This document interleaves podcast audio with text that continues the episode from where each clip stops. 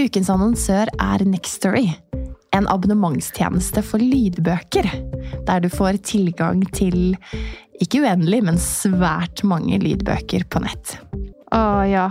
Et helt univers, rett og slett. For meg har det passet perfekt nå i vinterferien. For da har jeg hatt ekstra tid eh, til å gå lange turer og lytte til bøker. Og så har jo vi en date i kveld, eh, Ingvild. Eh, vi skal på teater og se Anna Karenina. Så da bestemte jeg meg for å bruke Next Story for å lese gjennom den på nytt. Og det er bare helt fantastisk roman fra 1870-tallets Russland som jeg anbefaler alle å utforske, fordi den er like aktuell nå i 2024 som eh, den gang den ble skrevet. Men det er jo så fint, da, ikke sant? Og uavhengig av om eh, man har vinterferie eller mer tid til overs, så har man også disse små lommene i hverdagen. Du kan ha boken på øret, og du kan brette tøy, eller du kan sette på en klesvask, en oppvask, whatever og dykke inn i dette universet. Og det er jo det som er så fint. I, eh, I, tillegg, da, når uh, disse små Dine kommer med den samme boken for 15. gang, Ingvild, og spør ja. mamma kan du lese denne, så er selvfølgelig det veldig hyggelig, men det kan også være eh, vel så hyggelig å, å få eh, boken servert fra noen andre, så kan man lytte sammen. Eh, vi har hørt mye på Albert Aabergs lydbøkene i Nextory, for det er et univers som både min femåring og min toåring elsker. Ah, det er fantastisk. Man kan finne så mye flotte verdener og opplevelser i gode bøker. Og du som lytter til oss, kan nå få seks uker med fri tilgang til Next Story hvis du går inn på linken nextory.no engler. Så gå inn der. Bli med oss eh, og utforsk bokuniverset, og så håper jeg at du har like stor glede av det som vi har.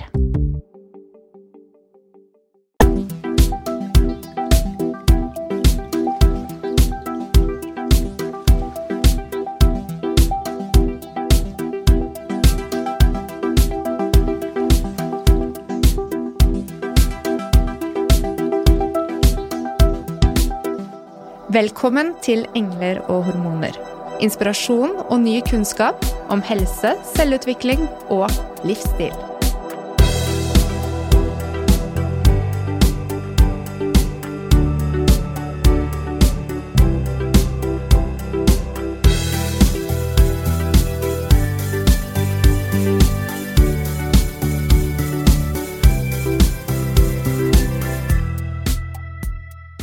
Det er vanlig for kvinner å oppleve lekkasjer etter fødsel. Men vi er så opptatt av å formidle at dette ikke er normalt. Det er så utrolig mange kvinner som tror at kroppen ikke kan bli den samme igjen etter fødsel.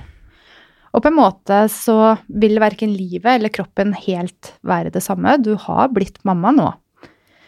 Men la oss legge den ballen død umiddelbart. For det er ikke slik at du ikke kan bli sterkere, funksjonell og rett og slett bli mer fornøyd med kroppen din etter en fødsel.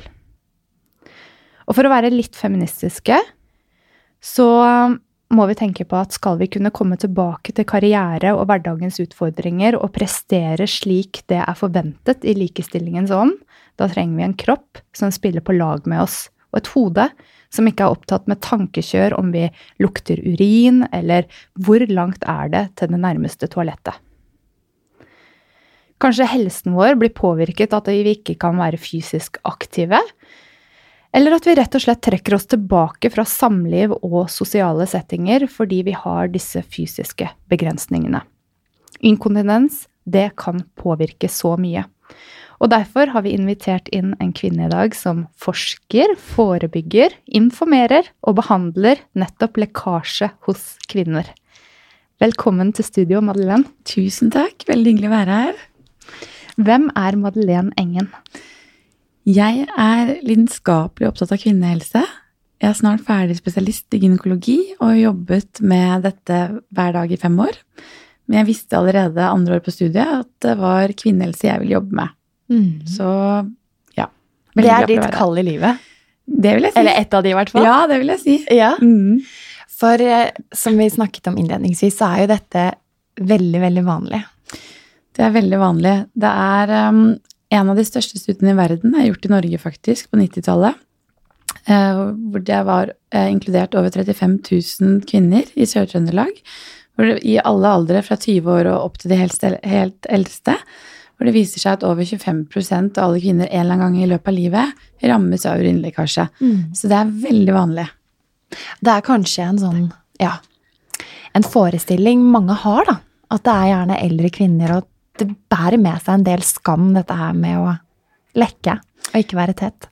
Ja, dessverre. Det har litt sånn at alt som er intime deler, det snakker vi naturlig nok eh, lite om. Vi burde være mer åpne om det. Mm. Eh, det er absolutt ikke bare de eldste som lekker, også veldig fysisk aktive jenter. Mm. Jenter som gjerne driver med idrett som har stort moment mot bekkenbunnen.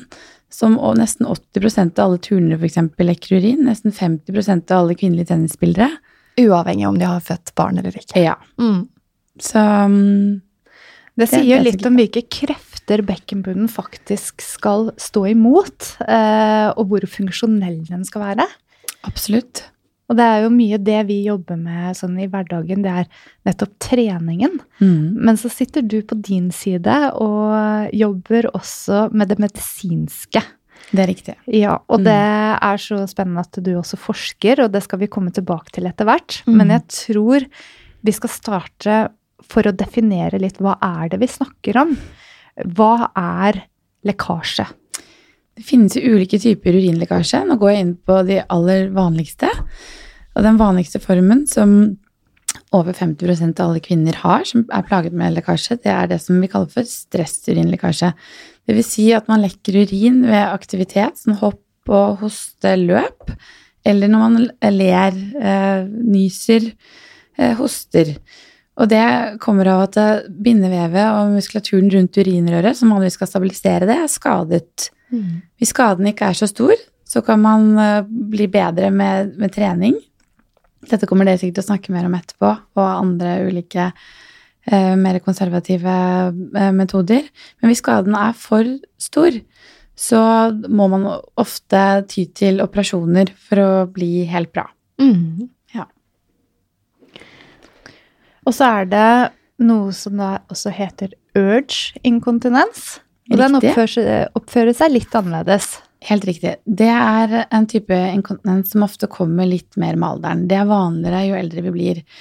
Og det har mer med um, nervene som um, påvirker blæren å gjøre.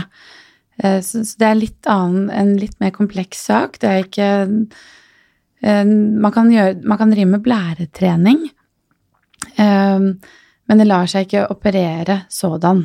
Mm. Og så er det vanlig også å ha en blanding av disse to. Det er det også. Ja. 40% har det. Mm. Så mm, det er i hvert fall de, det er de vanligste typene. Så finnes det flere sånne subtyper, men det, det tenker jeg er viktigst å snakke om disse to. Det er de vi skal prate om i Ja. dag. Eh, og det finnes jo også menn som opplever eh, lekkasjer, men det er vanligst blant kvinner. Det er det. Mm. Mm. Så selv om eh, også menn opplever denne problemstillingen, eh, og det trenger de kanskje å få litt mer fokus på, så det skal vi faktisk ta opp litt senere med en annen ekspert eh, på nettopp det temaet, så skal vi fokusere på kvinner i dag. Og etter fødsel er jo en typisk ja, tid Mm. der mange opplever lekkasje. Mm. vi er opptatt av å altså, si at de første dagene etter fødsel så kan det være ganske normalt å ha litt lekkasje. Det vil jeg si er helt normalt. Ja. Og man kan på en måte ikke eh, ta en status i forhold til kroppen før man er ferdig å amme. For ammingen setter jo i gang store hormonforandringer som gjør at eh, f.eks. Altså, skjeden, eh, lubrikasjon generelt, er annerledes, og alt det her påvirker muskulaturen og styrken også. Mm. Og det er veldig interessant. Ja. Eh, fordi jeg tror um, Dette er nemlig noe som har vært diskutert veldig mye hos oss. Også en tidligere episode med Femjentene, der vi snakket om trening etter fødsel. Mm. For når vi trener, så trener vi jo musklene. Eh, og de blir eh, kanskje ikke så påvirket av eh, hormonendringer, men bindevevet Mm. og selve vevsstrukturen Mm. i underlivet, det blir påvirket av hormonene. Absolutt. Ja. Mm. Hvor stor bedring kan man forvente etter at man er ferdig med å amme?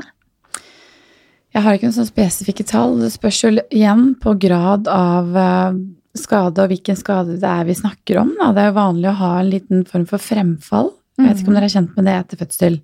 Det vil si at den eh, skjedeveggen som Vagina er jo et rør, men den delen som er opp mot urinrøret, kan ofte eh, falle litt ned. Det kan kjennes som en sånn bulk i skjeden.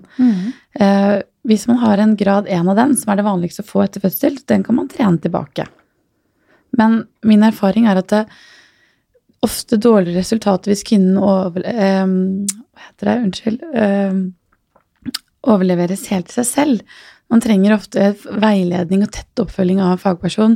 Og det krever mye motivasjon og utholdenhet, så egeninnsats er veldig viktig. Mm. Ja, og vi sitter jo på den andre siden og undersøker disse kvinnene. Og um, for å undersøke bekkenbunnen, så er det da påkrevd med en vaginal palpasjon eller en dyktig ultralydundersøkelse, som de aller fleste terapeuter ikke sitter på sånn i praksis. Så um, det, man, det vi ofte finner, er jo at bekkenbunnen, som er en muskelgruppe, ikke én muskel, den kan uh, være svak noen steder og sterk andre steder. Og nettopp det med å få fokus på å trene på en god måte, slik at du får tak i de delene som er svake, for det er jo ofte der du trenger å styrke. Absolutt. Og det er veldig viktig eh, fra vår kant da, i den eh, situasjonen med trening.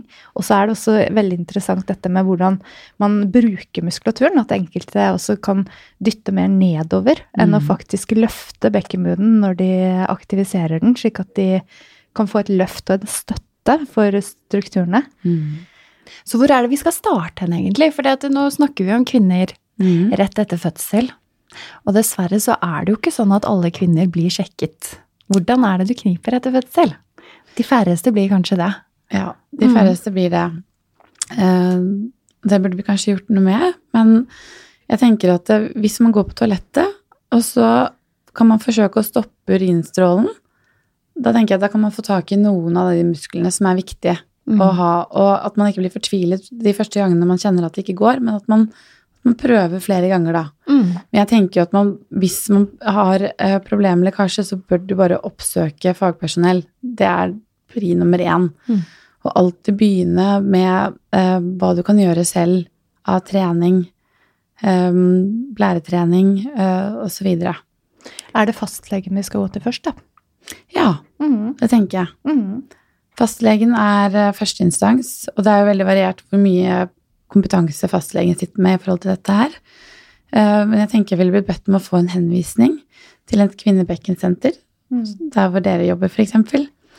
Eller en fysioterapeut i nærmiljøet som kan dette her med, med bekken. Mm. Bekkensjekken. Bekkensjekken. Men så er det veldig mange da som i praksis får beskjeden om at dette må du regne med. Det er helt normalt eh, å lekke etter fødsel. Uh, det går seg nok til etter hvert. Ja. Ja. Skal vi være fornøyd med det?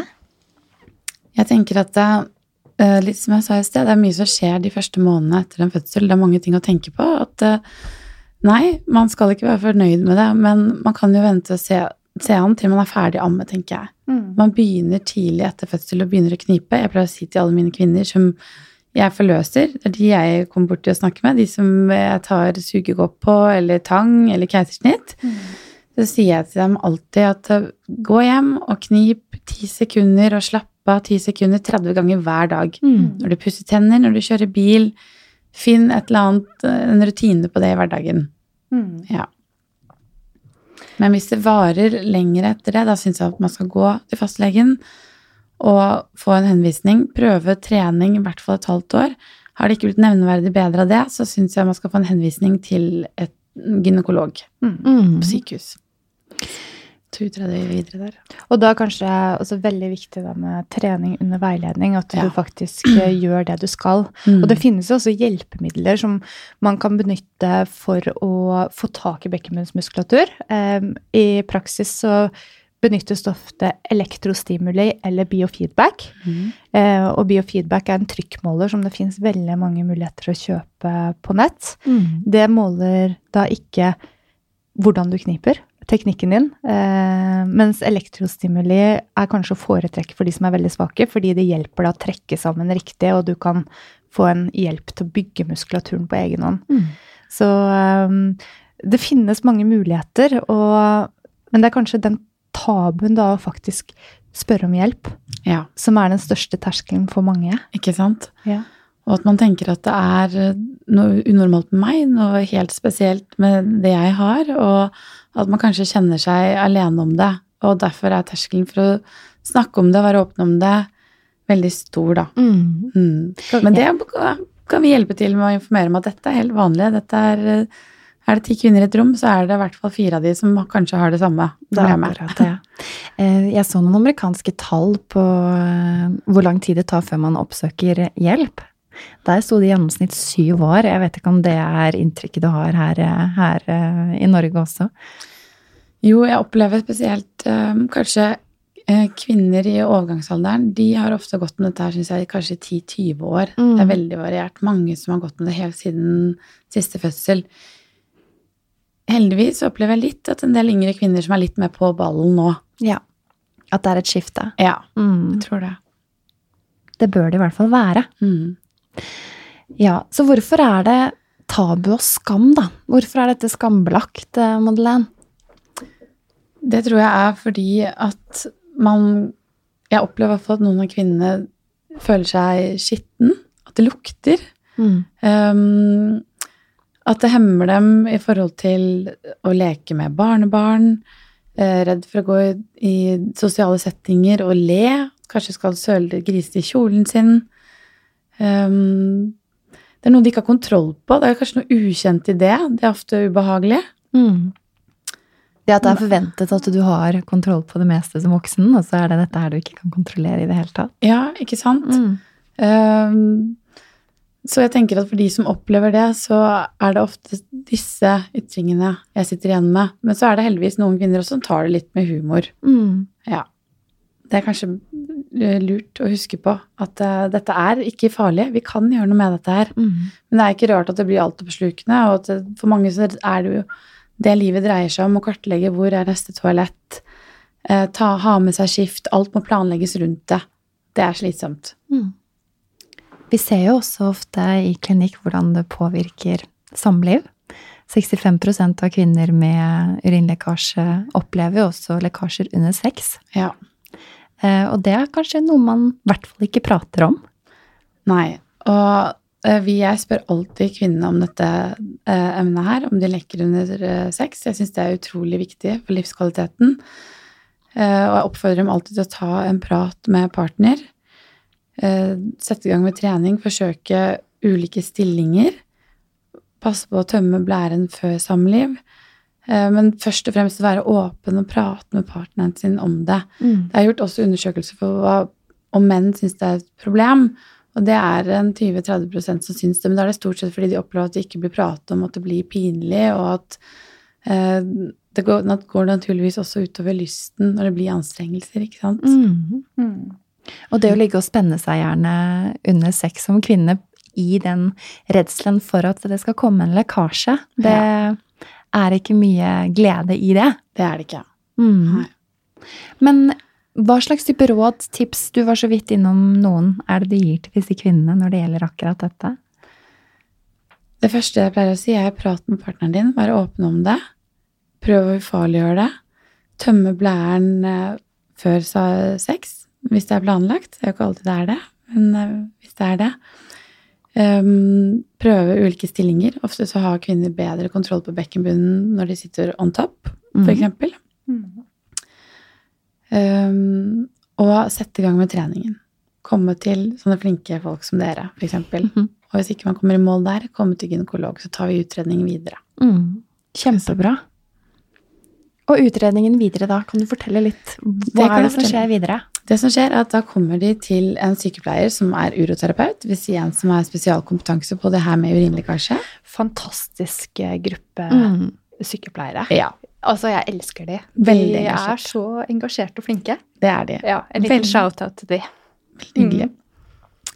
Og da går du gjennom en rekke tester for å eh, sjekke grad av lekkasje, alvorlighetsgraden. Eh, hoppetester, man sjekker eh, styrken på urinstrålen din. eh, spørreskjema for å kartlegge hvor utbredt det er.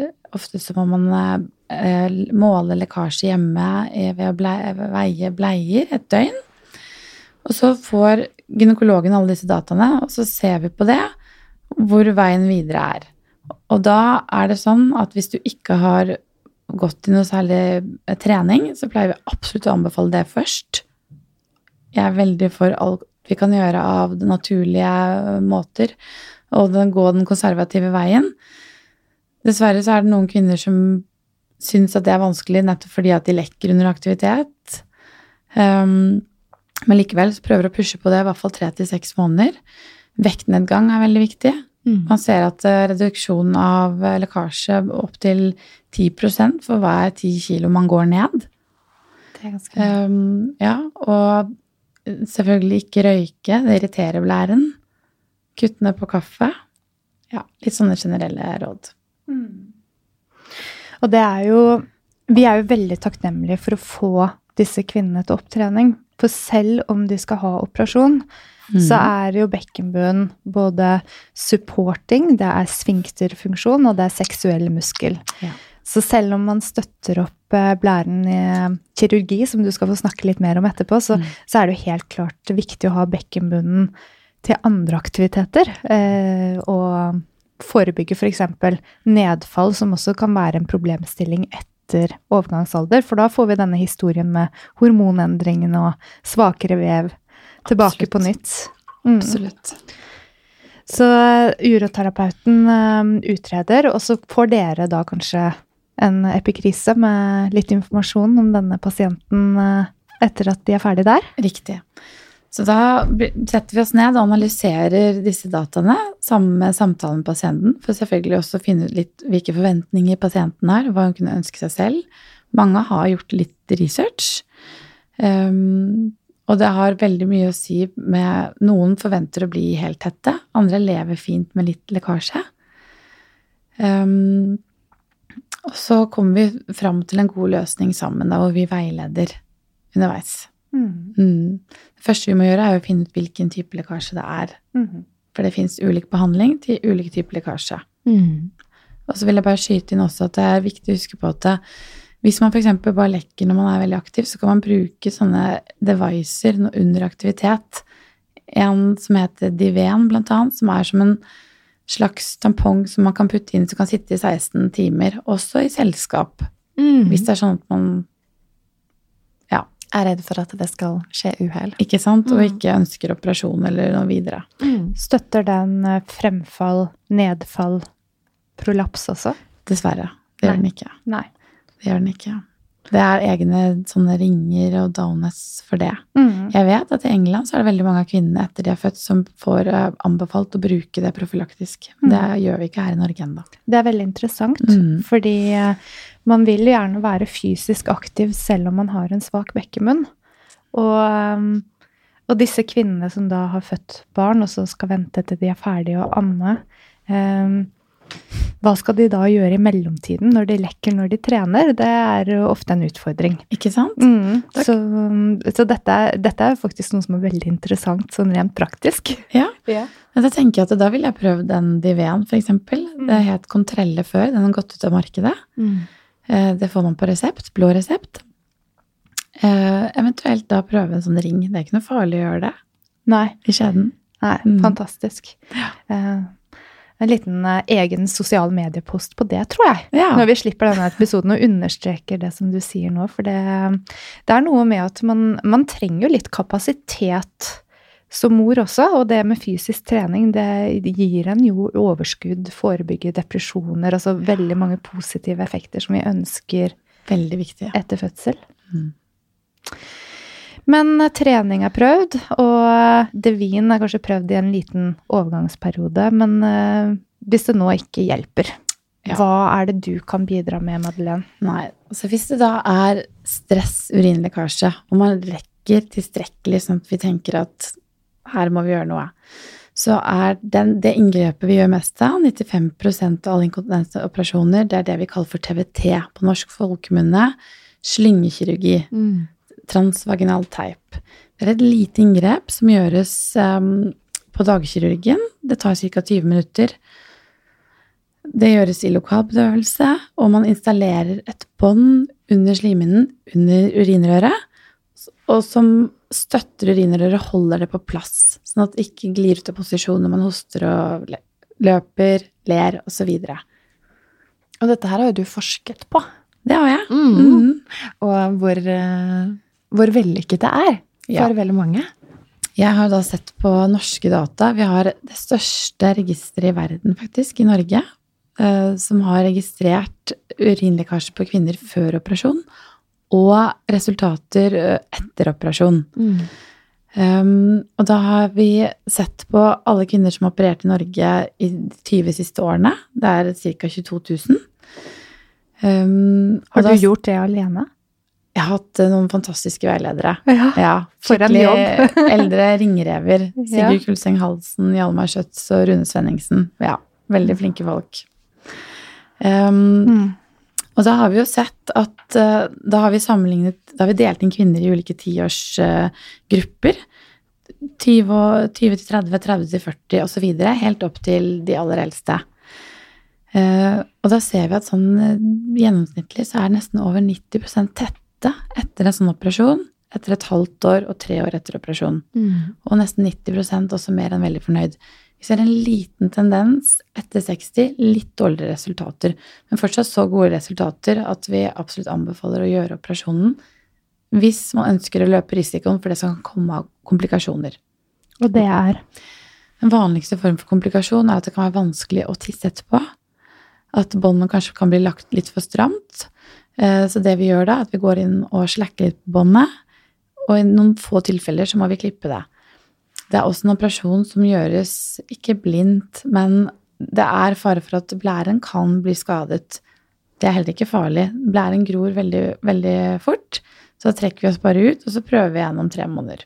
mm. Men det er sånn med all kirurgi så er det mulighet for komplikasjoner. Og det er vel en ca. 7% som får komplikasjoner etter slingekirurgi. Mm. Men det meste heldigvis ordner seg etter hvert. Eller er noe vi kan gjøre noe med. For veldig mange så vil nok det, dette høres attraktivt ut, sammenlignet med å gjøre mye trening. Man bør absolutt begynne på trening. Det er første, og heldigvis er det en internasjonal ur- og gynekologisk gruppe nå som anbefaler og sier at man skal prøve det i tre til seks måneder. Mm. Fordi i England for eksempel, så har det vært operasjonsstans nå i et helt år. For det har kommet så mange kvinner som har fått kroniske smertetilstander etter denne operasjonen. Men det jeg vil si til det, er at dette bildet har vi ikke sett i Norge. Og vi tror det er fordi det er en del useriøse aktører i utlandet, og i Norge har vi veldig streng operasjonsteknikk og opplæring, og det holdes på få hender. Så vi håper og tror at vi ikke kommer til å se det her. Mm. Men likevel så viser det at eh, det skal være god grunn for å operere. Det skal det alltid være. Mm. Man skal ikke ta lett på det. Og man vil alltid ha gleden av en sterk bekkenbrunn, som dere nevnte i sted, også pga. andre tilstander. Ikke bare det med urinlekkasje. Mm. Gjorde du deg eh, noen observasjoner utenfor det dere skrev i, eller det du har skrevet i artikkelen under eh, studien? Ja, jeg tenker at vi, vi så jo også på liksom, operasjonstendensen, og vi ser at vi faktisk har operert færre eldre etter 2010.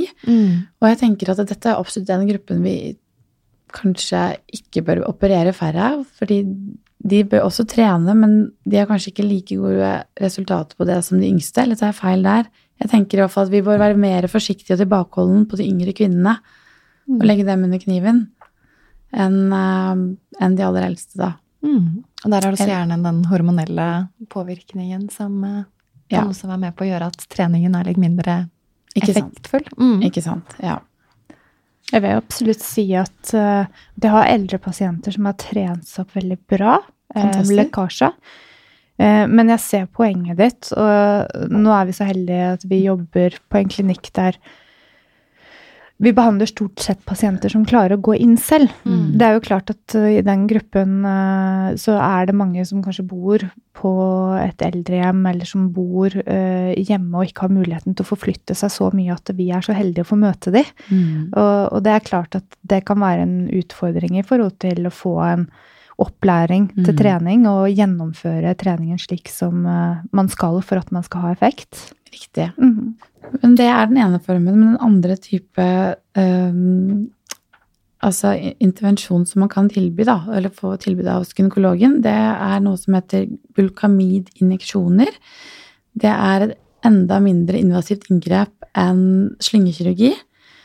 Da er det en vannholdig gelé som sprøytes inn i urinrøret fire steder, og som er med å støtte rundt urinrøret og gjør at eh, diameteren til urinrøret blir mindre. Det er ikke like gode resultater som etter TVT. Ca. 70% angir at de blir tette etter det, og det er ofte en eh, behandling som må gjentas. Men det er um, likevel mer skånsommere og nesten ingen komplikasjoner forbundet med det inngrepet. Så det tror jeg er noe vi kommer til å se mer og mer av. Men det er litt interessant, for jeg tror aldri jeg har hatt en pasient jeg, som har fått det foreslått. Nei, og det, eh, det kan jeg tenke meg. Eh, og det er litt fordi at eh, det har ikke vært konsensus på å foreslå det i dag på lik linje med uh, slyngekirurgi. Men vi ser jo at det er doblet bruken av dette her i både USA og England siste året. Um, og vi har akkurat begynt med det nå på Bærum. Lovende resultater. Um, ja, så jeg er litt spent på å se Jeg tror vi kommer til å se mer av det. Mm. Mm, veldig spennende.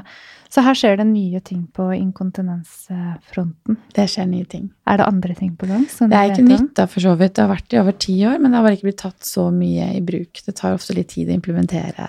Ja. Opplever du at det er store forskjeller? Vi er jo et langstrakt eh, land. Mm. Opplever du at kvinnene blir møtt eh, likt over hele landet når det gjelder disse plagene? Eller er det ulikheter?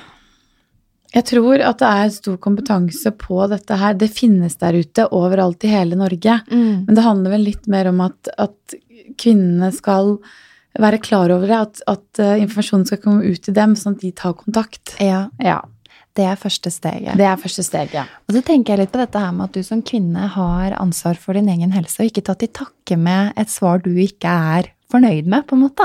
Absolutt. Mm. Mm. Finn noen som du stoler på, og som du stoler på at har den kunnskapen som trengs for å kunne møte deg best mulig. Ja, og ikke gi opp hvis man har ett dårlig møte. Gå videre. Ja, Ja. Det er ikke noe skam i å be om en second opinion av noen andre. Det er det ikke. Så må man huske på at det er da 25% av alle kvinner som lekker, som jeg sa innledningsvis. Dette er veldig vanlig, og det fins mye vi kan gjøre for dette her. Mm. Det kan ikke bli sagt eh, mange nok ganger. Nei. Det er ofte litt eh, sammensatte problemstillinger rundt disse tingene som skjer i kvinnekroppen. Eh, og i bekkenet med tre ulike hull, altså Mm. urologi, gynekologi og eh, alt som har med fordøyelsessystem å gjøre. Du er jo gynekolog, eh, men så jobber du med blære. Ja. hvor går skillet her egentlig? Hva hvem gjør hva? Jeg tenker at eh, gynekologen eh, retter opp i, eller behandler stort sett eh, skader som har med bindevev og muskulatur å gjøre rundt urinrøret. Sånn som ved stresslekkasje, slyngekirurgi som jeg nevnte, bulgamidinjeksjoner. Eh, samtidig som vi også setter ved tranglekkasje kan sette Botox i blæra for å få den til å slappe av. Bortsett fra det, så tar urologen tar seg av alt som har med skade, skade eller sykdom i selve blæren. F.eks. kronisk infeksjoner, eh, svulster i blæren osv. Mm. Og så alt som har med menn å gjøre, da. Mm. Jeg vet ikke om det var forklarende, men uh, Ja, sånn. absolutt. Så det som skjer rett over uh, selve blære, der har man jo livmor, Ja. for eksempel, og tarmer. Det har vi. Ja. Eh, Du nevnte vekt som en komponent, men hva med forstoppelse og mage-tarmfunksjon? Er det også noe som spiller inn? Absolutt. Altså, alt som øker buktrykket, kan føre eller disponere for urinlekkasje. De vanligste, vanligste risikofaktorene for urinlekkasje, det er jo overvekt, barnefødsler, og hvor mange barn du har født, særlig operative forløsninger, tang, vakuum, hoste, kronisk hoste hvis man har kols, røyk irriterer. Ja. Alt som kan føre til økt trykk ned mot bekkenet. Mm. Og der, um, der er det jo mange som, som kan legge på litt sånn tung styrketrening også.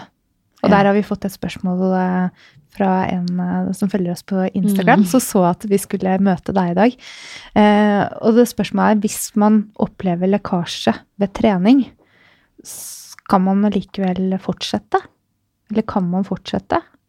Ja, det tenker jeg. Altså, trening er viktig. All trening er bra, stort sett.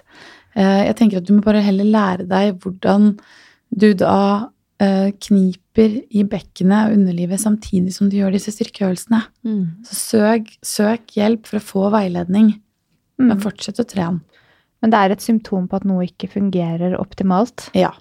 Så var det en annen eh, av våre kjære lyttere som eh, spurte da hva er det en annen måte jeg kan styrke bekken min på enn å knipe? Da er det jo litt disse tingene som dere nevnte, da. Disse ekstra hjelpemidlene. Det Mm. kan dere mer om enn meg. Mm. Men kniping er vel strengt tatt Ja. Det skal man gjøre. Men vi kan jo kalle det løftebekkenmunn, kanskje? For å gi en liten variasjon. Mm. Det kan vi gjøre. Ja. Men eh, det er, jo, det er jo litt som å si eh, ja, hvordan kan vi trene en muskelgruppe uten å bruke den? Det er ikke så lett. Eh, og det er, eh, det er jo mange som ser på denne bekkenbunnstreningen som noe kjedelig, men det er faktisk litt morsomt å tenke på hvor intensivt det kan være. Altså Hvis du får god veiledning og får kjenne på hvordan det er Du skal faktisk bygge denne muskelen, og det Mm. syns jeg er, som er utrolig gøy når man, man går og blir instruert slik at man kan kjenne at man jobber. Mm. Jeg hadde faktisk en pasient tidligere i dag som hadde brukt pulsklokke når hun trente bekkenmunn. og hun hadde fått ganske høy puls når hun kjørte på med sånn intensiv økt. Da. Eh, Så jeg sier ikke at det er kondisjonstrening, men jeg sier at det kan være ganske ja, intensivt og Mm. meningsfylt hvis man gjør det riktig. Ja. Mm. Og opplever man lekkasjer under visse former for trening, så går det an å tilpasse treningen. Og sørge for at man får en god og grundig sjekk. Er det noen gang for sent?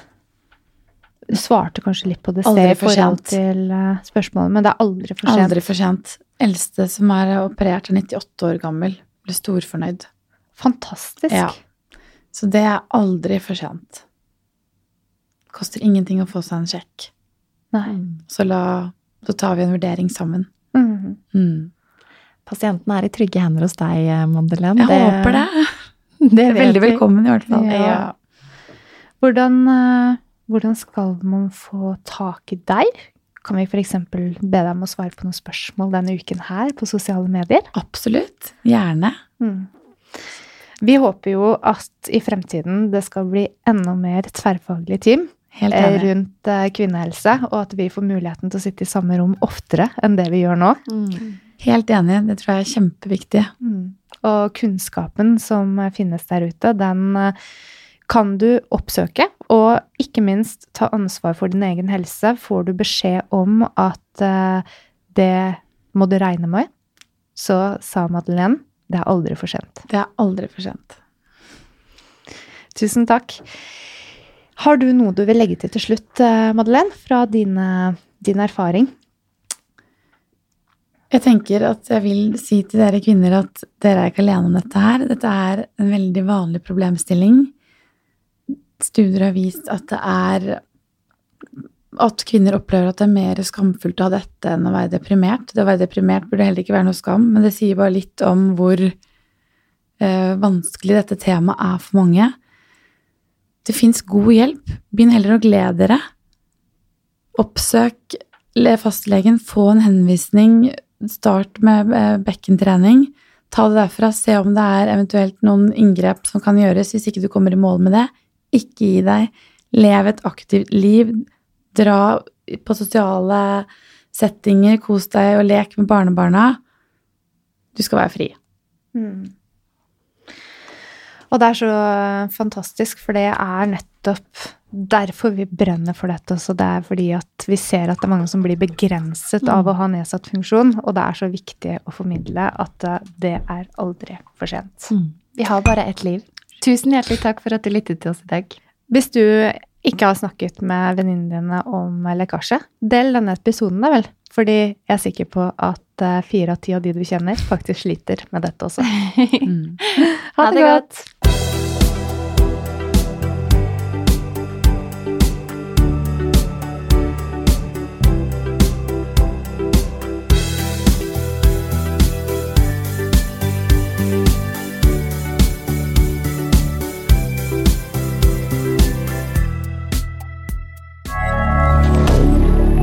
Moderne media.